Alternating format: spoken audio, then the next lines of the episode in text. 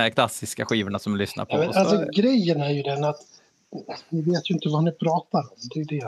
ja, men nej, Alltså, enlighten alltså, us. Ja, men nej, men jag orkar inte. Nej, men om vi säger så här. Alltså, jag lyssnar ju på så fruktansvärt mycket musik. Alltså, därav kan jag ju vilja hålla min svarta metall svart.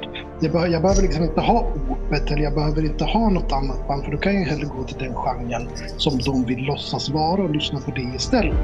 Så jag förstår, alltså jag är väl i grunden rätt ganska emot om man säger fusion. Inte genren utan mer att du blandar två saker. Vissa lyckas bra. Jag tycker The Covenant som alla hatar tyckte jag blev bra när de blev liksom futuristiska.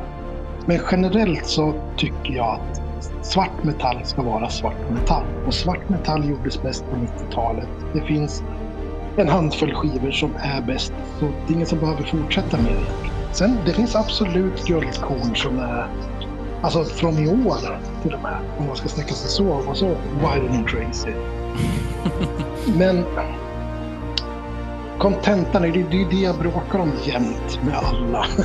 Att svart metall måste vara svart metall. Det är bara så. det, det,